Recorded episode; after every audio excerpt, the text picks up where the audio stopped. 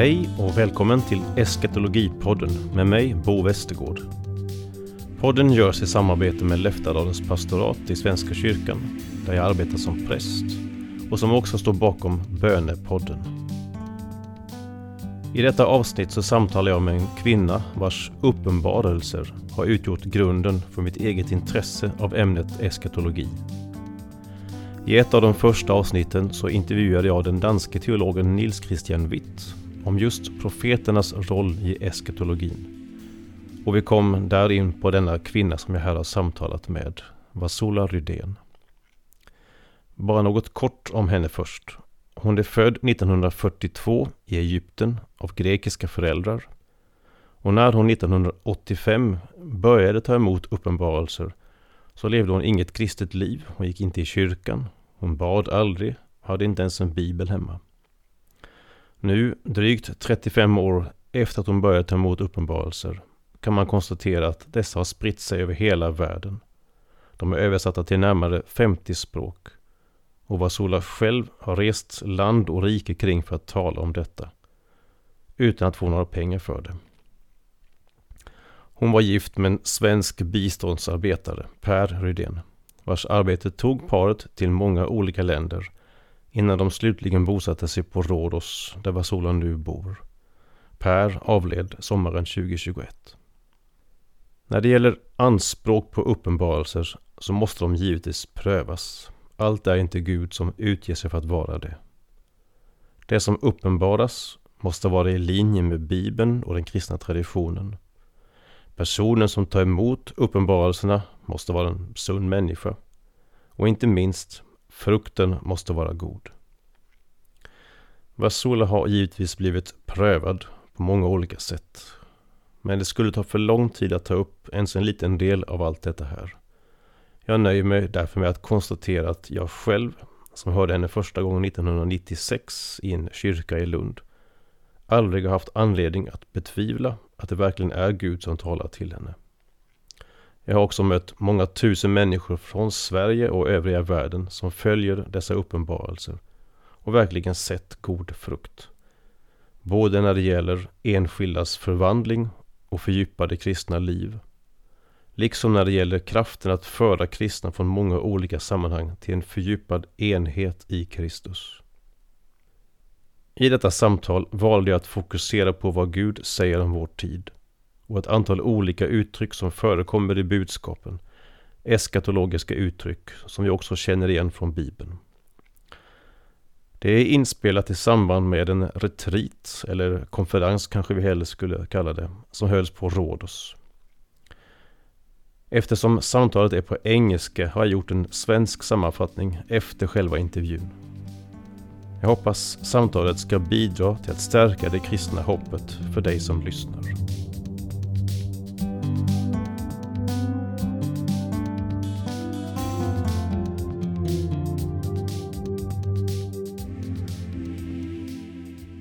Welcome, Vassula, to this podcast.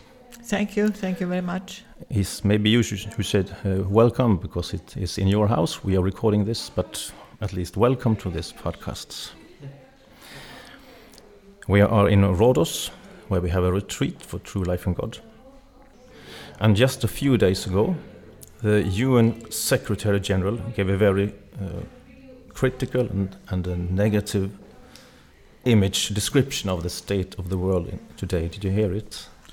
I haven't actually heard it, no, but I heard uh, other sources. Yeah. Uh, It was in the General Assembly. He really showed the world's bad state today. It Yeah. is. And I remember that you long ago was in the beginning of these messages. Uh, you were looking out in the window in Bangladesh Yes. and saying something similar. Look at this, God. Yeah, well, these are the visions that the Lord had given me years back when uh, things were not going right, and He could give me visions of how the sky started to turn red. But this was symbolics, of course, uh, symbols, not that the sky will turn red, but it meant danger and not good news. And uh, other signs he's, He has given me. The message is very uh, long, but still, if you in a few words could say what, how does God describe the world today? Well, describe the. He started in 1985 to give me the messages, so so many years, right? And uh, you'd say, well, why does he give messages when we have the scriptures? Well, I'm sorry, but God never stops working, and it's written in the scriptures that God's work never stops, and it's one of His works that uh, He's free to to say to the world something when He wants to and uh, actually, it's out of His mercy, because when things are not going to go right and He sees them, He comes as, to us as a warning. He would, uh, and as a reminder that He's alive and He's just looking at us. So He warned us that uh, if we don't repent and shape our lives, we will go into disasters. And we can tell, I mean, uh, nature is more violent than before natural things are more violent, like uh, more more uh, volcanoes, uh, tsunamis, uh, what I call um, uh, water from floods. Uh, you would say, all right, we had these now and then, but they become more violent and more and more, and nature is reacting towards the evil that comes out of the earth. And no one can say, oh, we're in very good shape when things are really in their worst, I would say, and still getting worse. So God wants to prevent all this. I mean, He wants to change us and He wants to save us from all the misery. And He's given me signs, and I've seen them in visions. Uh, that uh, in the end, uh, I saw something like fire coming down. So we're not doing well. And people who say, well, you know, I'm okay with my life, and I can do what I wanted. I don't need all that. Uh, you remember that your body is the sanctuary of the Holy Spirit, and you keep forgetting that. So your body does not even belong to you. It belongs to the Holy Spirit because that's in the scriptures, if you ever believe in the Word of God. What would you say is the reason why why the state of the world is like it is today? Why, why have people turned away from God? Do you know? It's an apostasy. Now and then the people of God fell into apostasy. You can read that in the scriptures.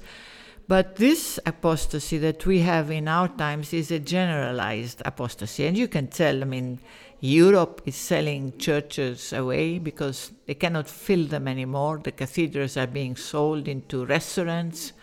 And uh, into cafeterias and hotels, and uh, this shows the apostasy. People are forgetting God, and uh, it happens now and then in the history of the church.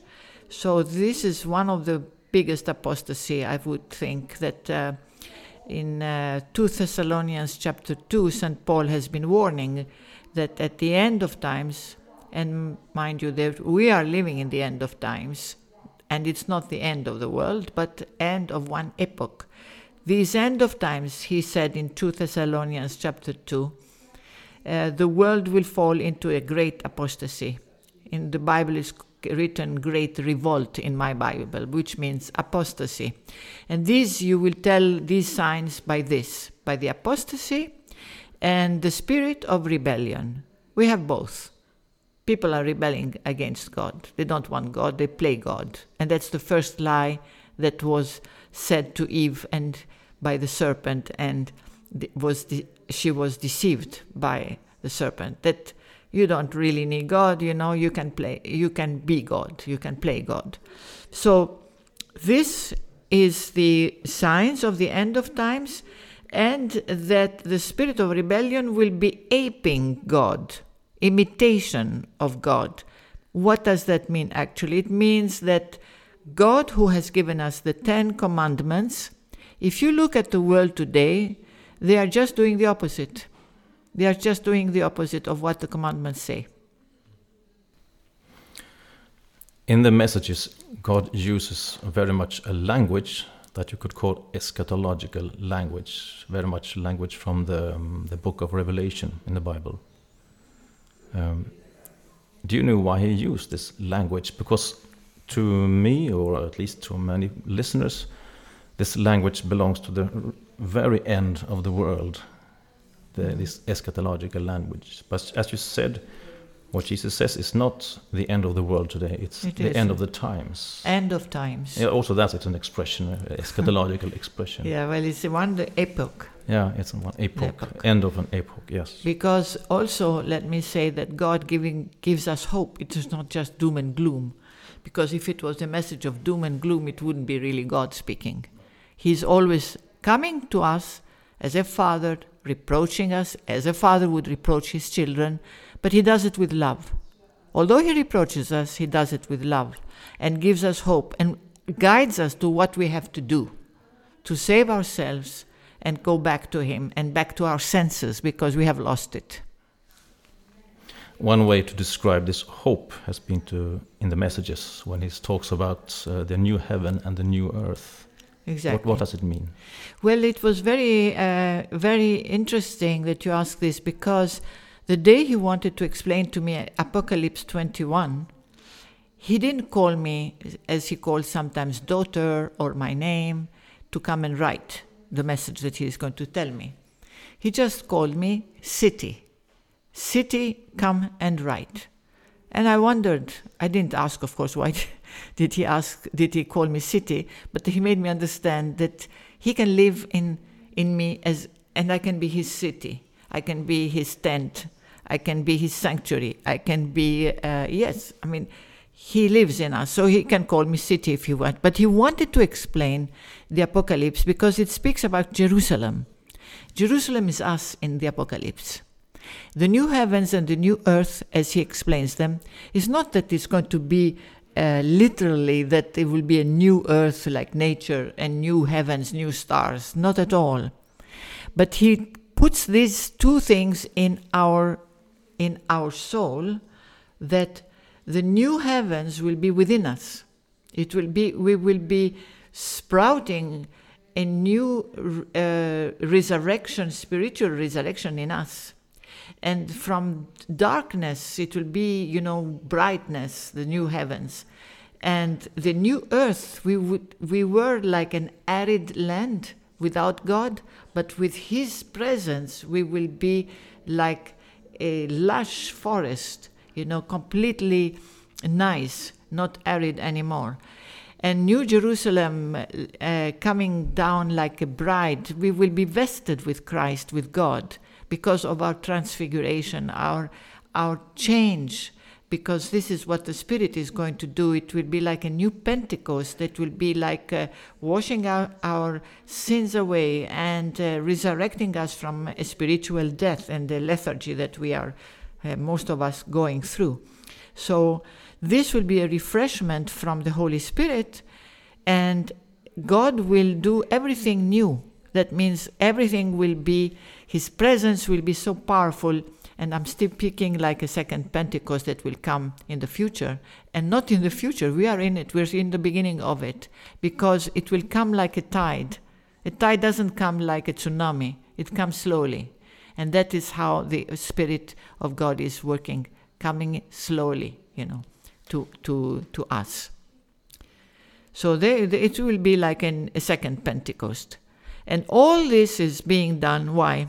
Because God is preparing us for the return of Jesus, which is very imminent, as He says it many times in the messages through all these years.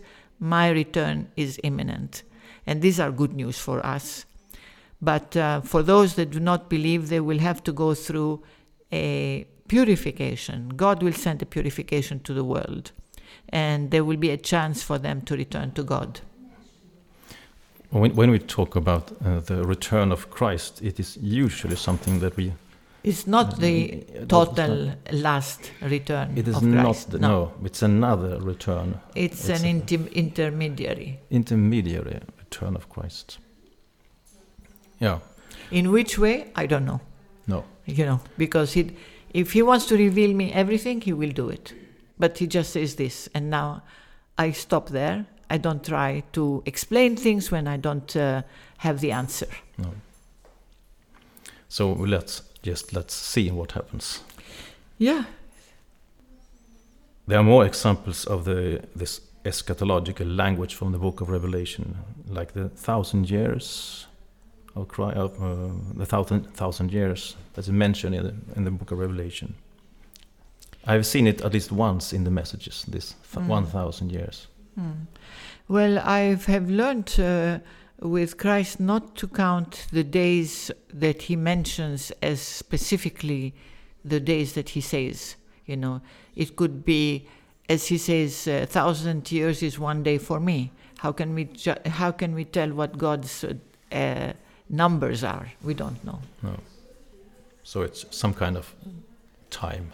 Yeah, but let's not search the time. You know, Bo, I would say let's search in our soul what we have within us. Are we ready to meet Christ? This is the question. This is the Are we ready to meet Christ? Most of the people say, no, let give me some more time. No one is ready. And this is really important because he says, live your lives as if it is your last day on earth. And don't start looking out of curiosity, what does he mean by this and what does he mean by just change your life. Return to him. And the, the day of the Lord is also one of these The day of the. Lord is the visitation of His presence, and uh, it is powerful. Some people have went through it already, which means there is a special revelation in your soul, like you see your your soul within you with God's eyes, not the way you thought you were or are, because we can never judge ourselves exactly. God knows us much more than we know ourselves.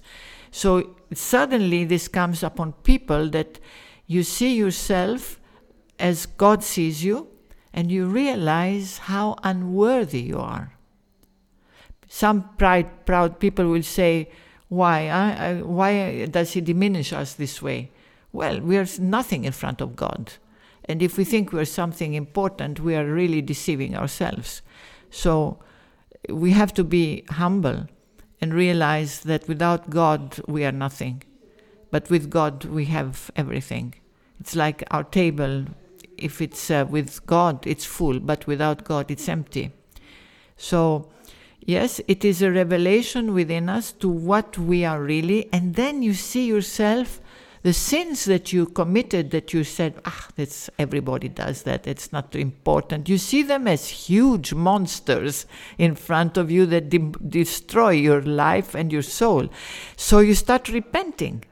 Automatically you start saying oh i'm so sorry i wish i could go back in time you know i wish i didn't do this. And this is remorse and people sometimes they cry because it's so emotional and you really cleanse yourself. And this is a grace i would say that if if you go through that day of the lord it is so important so dramatic i would say but it liberates you. Connected with the hope is also the hope for Christian unity, and this I know is the main, impo- must, most important topic of the message, which you emphasize most. Well, actually, Jesus emphasizes most. Um, because the first question, when Jesus appeared to me the first time, he asked, Which house is more important, your house or my house? And of course, I understood he t- talked about the church. So I said, Your house, Lord.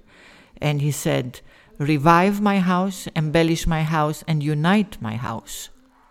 And he told me these things, me who had never put my foot on the church at that time, you know, when he came to me, visit me, he was revealing to me everything. And I had no idea. I said, How can I do that? So he said, Die to yourself. Allow my Holy Spirit to live in you and do all the work, you know. But if you if you are you in front of the Holy Spirit, you are an obstacle. So you ha- it's a self-dying. It's giving away your will. It's everything, diminishing completely, annihilating yourself, and then the Spirit works. And since then, he's talk, given me a lot of messages about unity, because he wants his church to be one, and not in a hundred pieces like it is today. So the key to unity, he says, it's very simple but difficult to make. It's humility and love. This is the key to unity. So, so long as we don't have this unity, it's these things lacking from the, I would say, the people who can do the steps to make unity. So he's been uh, emphasizing very much about to use those two keys, die to oneself, don't have any prejudices, we are one under Christ. So to bring Christians to to unite, would it, it is a kind of eschatological hope also because I don't I cannot imagine heaven as a place where we are divided. Not at all, and that's the example. So many many are willing, and others they don't want because they want to correct this thing before and the other thing. Jesus just is not an administrator, and he said, "I don't want administrators in my house." You know, what what does it mean with that? Pushing papers and looking at the every point that uh, it's not quite the same thing as the other church. We can't do the same thing. That they have to change and not us. And all this is administration. Uh, it's also blocking blocking to go forward. You you have to allow the Holy Spirit to give you the guidance, and it's not the letter of the law, but the Spirit of God. Another expression I have also wondered about is when Jesus says that the church has industrialized my house. What you does he mean? You have industrialized my house. Yes. What does it mean? There's lacking spirit in there. The same thing. If There's a lot of rationalism in there. There's a lot of prejudice. There's a lot of I am the one who's correct and the others are wrong. He said bend to be able to unite. The three bars he gave me as a vision, iron bars, He's, he, he said to me, these represent the Catholic, the Orthodox, and the Protestant churches. Okay? And they all have to bend, not one or two, the three have to bend so that their heads meet. So it was a very good image he gave me that unless they bend, there will be no unity. And it's on the three, it's not just two and one stays straight. Another sign, another thing that the messages talks about as a future hope is the unity and something coming from Russia. And today, when Russia is not very popular, in the world. What does it mean? Well, let me tell you what the message said. And I believe that in Fatima, the apparitions in Fatima, I think the, Our Lady said the same thing, more or less, and even in Medjugorje, where she's appearing, Russia will glorify God in the end. And he says it many times. Uh, we have to look at things in spirit, spiritually, not politically. Jesus is not a politician. He said it even in the messages. I'm not a politician. So, he never spoke politics.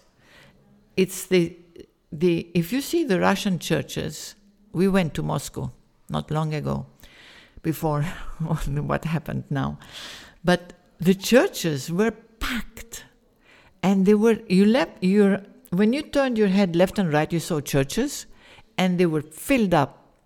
And the monasteries there are many, many vocations, and nuns, many, many vocations, and priests, many, many vocations. So the Christianity there is very powerful, the Christianity. And uh, when you see the West, compare it. There are less voca- vocations, monasteries are closing down, churches are being sold. So, where is Christianity in the West? There's something lacking there. Whereas Russia is still praising God, and I'm not talking about politics, I'm reminding you that. At the churches, they have to build more new churches, whereas the West are selling their churches. So put this on a scale, they are glorifying God. Also, that is a hope for future, really. And about the rest of the prophecies that we have on Russia, which are very, very important, I believe it could be in the future, it could be in four years, it could be in 200 years. How can I tell? Prophecy is a prophecy. It will be accomplished like many in the true life in God have been accomplished very, very clearly by the word.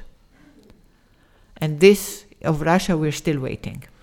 Could you give some examples? Well, the towers that fell in uh, the the towers in New York he said it 10 years by exactly 10 years before. These towers fell just like he said it. He explained it in detail. And then the tsunami. So many times he said it for uh, during Christmas time that you're not really celebrating Christmas and honoring my name and all that. And uh, the tsunami, and I saw it in a vision, and it's all described in the books already, printed. And uh, it happened because people are not really doing the right thing, you know, celebrating Christmas like it should be, not only exchanging gifts and drinking and getting drunk and eating till, till you faint. Nothing. I mean, it's good to, to celebrate because it's a birthday after all. You know, it's a birthday and you celebrate it like a birthday and you give gifts instead of, you know, but then go to church for the one who is uh, the one who has the birthday to honor him. But they don't. And people have escaped from that all, altogether, went so far away from the truth. But uh, uh, I don't want to say to, that they think that God is punishing, punishing if you don't do the right thing, because God is a God of mercy. And I want to say this. But in the scriptures, even, it's written God's mercy is as great as his severity. So the two work together. You know, God is a God of justice too. And what He does, if He makes us go through difficult times, it's so that we He saves us. Because through that we can repent and we, He can save our soul. Because this is the important thing. He wants us back home in, in heaven. That's where He wants us to go to heaven. We, he doesn't want to lose anybody. So, as a father can become strict with his children to shape them up so that they have a good education, you know, and good life after, this is the way God uh, is. He's very fatherly. He's fatherly and he's also a judge. He's also a judge and a just judge. So we are nothing in the whole cosmos. We are not even like a speck of dust. And yet we behave as if we can even counsel God when He created everything. Can you imagine?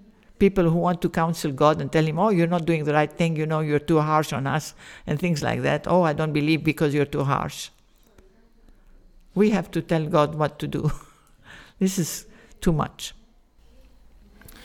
And remember from the messages that it is he, Jesus is talking about a kind of judgment day in our time. It's not the final judgment, but no. He calls it he says, You will be judged according to the measure of the love you've had here on earth. So, the whole Bible, the whole religion is based on love. We have to grow in, in our heart love, to love our neighbor, to love even our enemies, if we, he says. So, this is really difficult. But I believe if you allow the Holy Spirit to how do we say, to invade you, you will be able to do that. But to do that, we have to give space to the Holy Spirit within us. And what is that space? Blocking the space. It's the sins. So, what do we have to start with? Go to confession, repent, and, and be guided to know what are your sins. To get rid of your sins, you give space that space will be occupied by the Holy Spirit. You don't give enough space, you'll have so little space for the Holy Spirit, and you'll be working in the dark. So, the more you give space to the Holy Spirit, the more light you will have through your eyes and soul to, to see what is right and what is wrong, and then walk in the path of God. I have one message that I still remember very clear. It says, the outpouring of my Holy Spirit will execute my judgments. At least for me, it has been very clarifying that God's presence through the Holy Spirit is by itself a kind of judgment, at least if you are not uh, right in your heart. Mm. Yes. The Holy Spirit is very important in the messages. Oh, is so much teaching on the Holy Spirit, countless pages all about the Holy Spirit because he knows that many people know a little bit God through the Old Testament, the Father, and then the Son, the Gospel, where St. Paul is also preaching, and the Gospels of uh, Matthew, Mark, and Luke. and uh, we know a little bit more about it. But the Holy Spirit, we don't know so much. So He's given us ample instruction of wisdom uh, about the Holy Spirit. If now Jesus has told us things about our time, uh, both warnings and hopes, what are we going to do with this that He has learned us? How should we act? Evangelize. It's like a banquet is offered you for a starving lot, and there you discover it. You eat as much as you want, you're satisfied, and then don't you think of the others who are starving out there? What do you do? You go and call them. Call them to participate. And we are somewhat starving also, lunch waiting for us, I know. So I know, so we have to go. we have to go. Thank you, Vassula. for Okay. Thank you very much.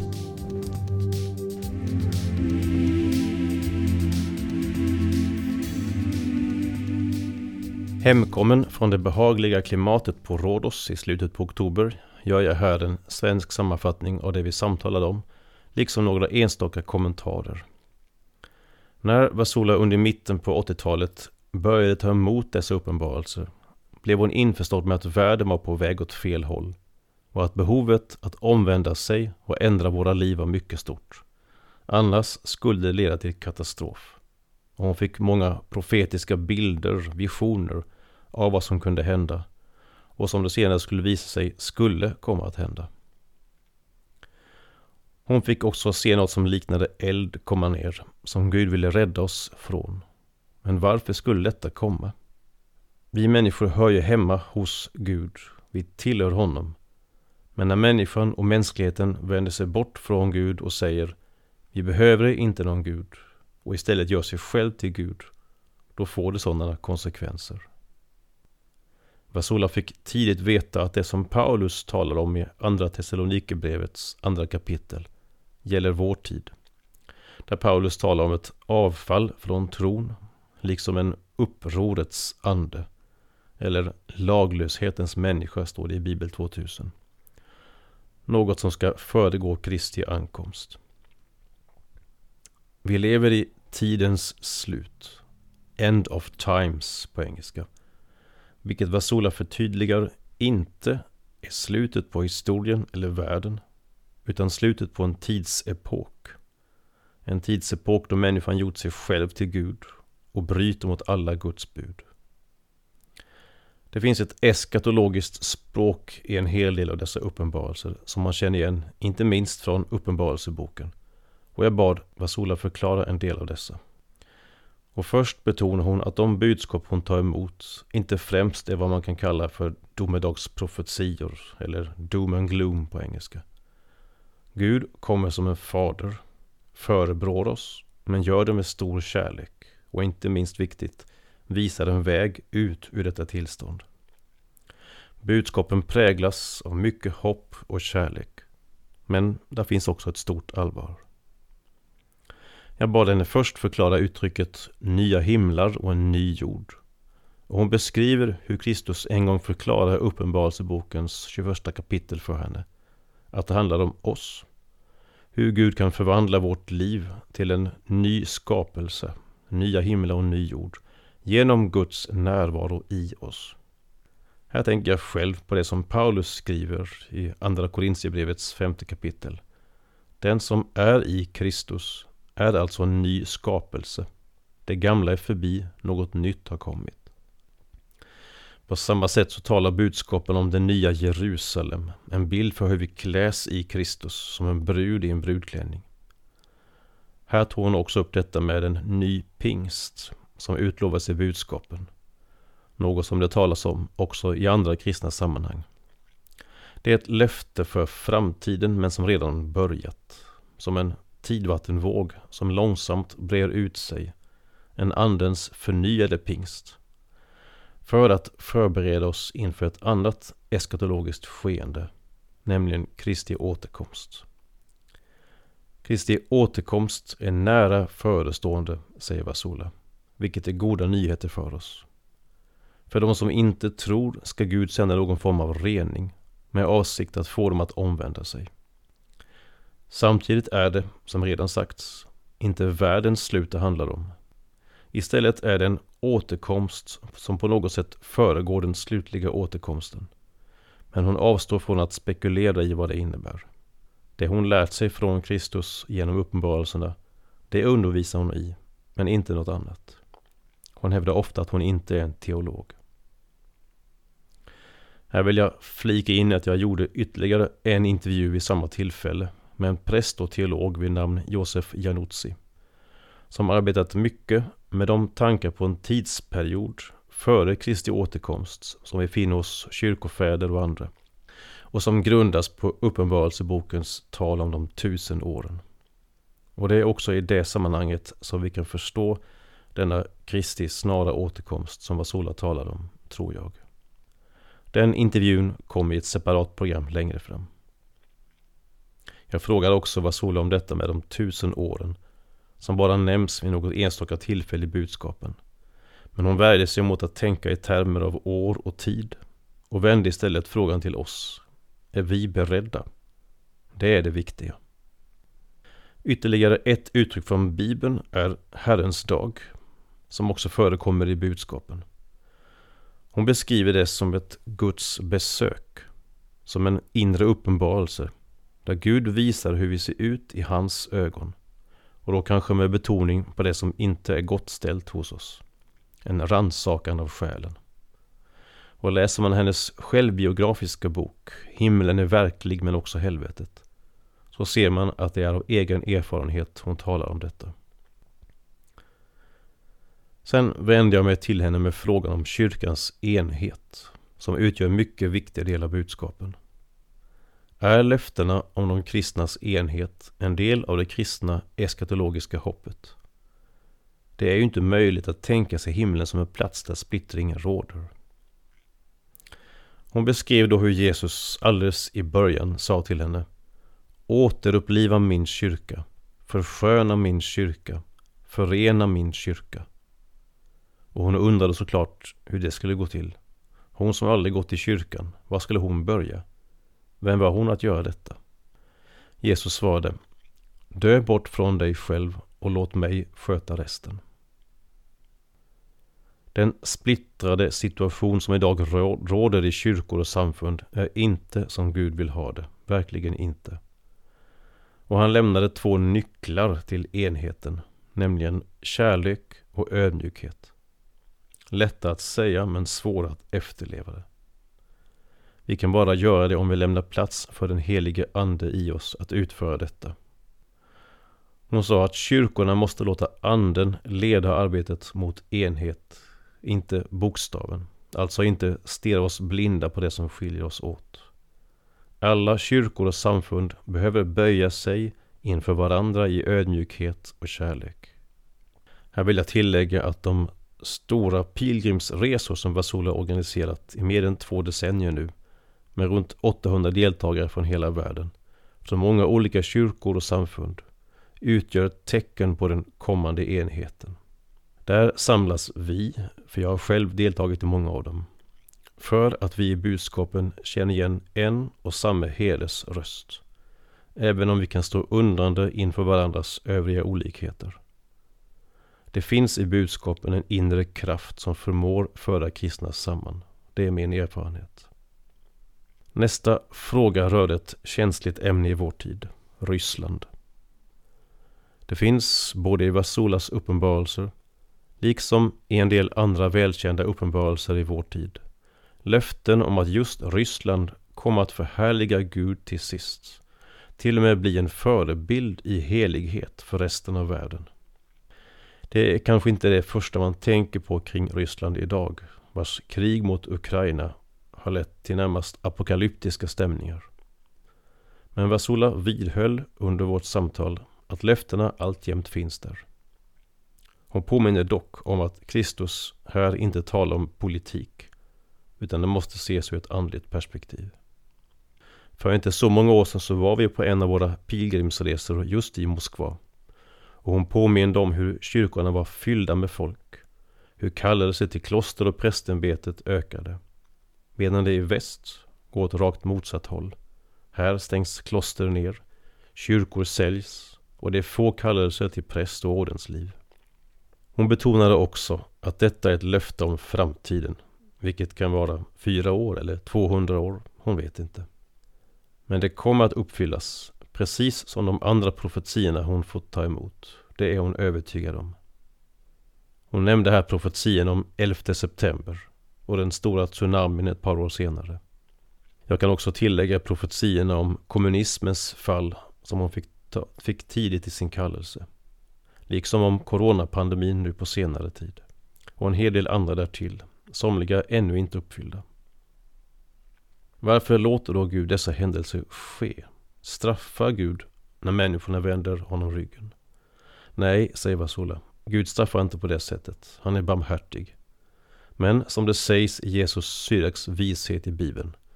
Hos Herren finns barmhärtighet men också vrede. Han är en förlåtande härskare men kan ge vreden fritt lopp. Hans straff är lika väldigt som hans barmhärtighet. Och hon fortsatte. Gud kan låta oss gå igenom dessa saker för att vi ska komma tillbaka till honom. Han vill inte förlora någon enda av oss. Men precis som en mänsklig fader måste han ibland vara sträng för att få barnen på rätt väg i livet.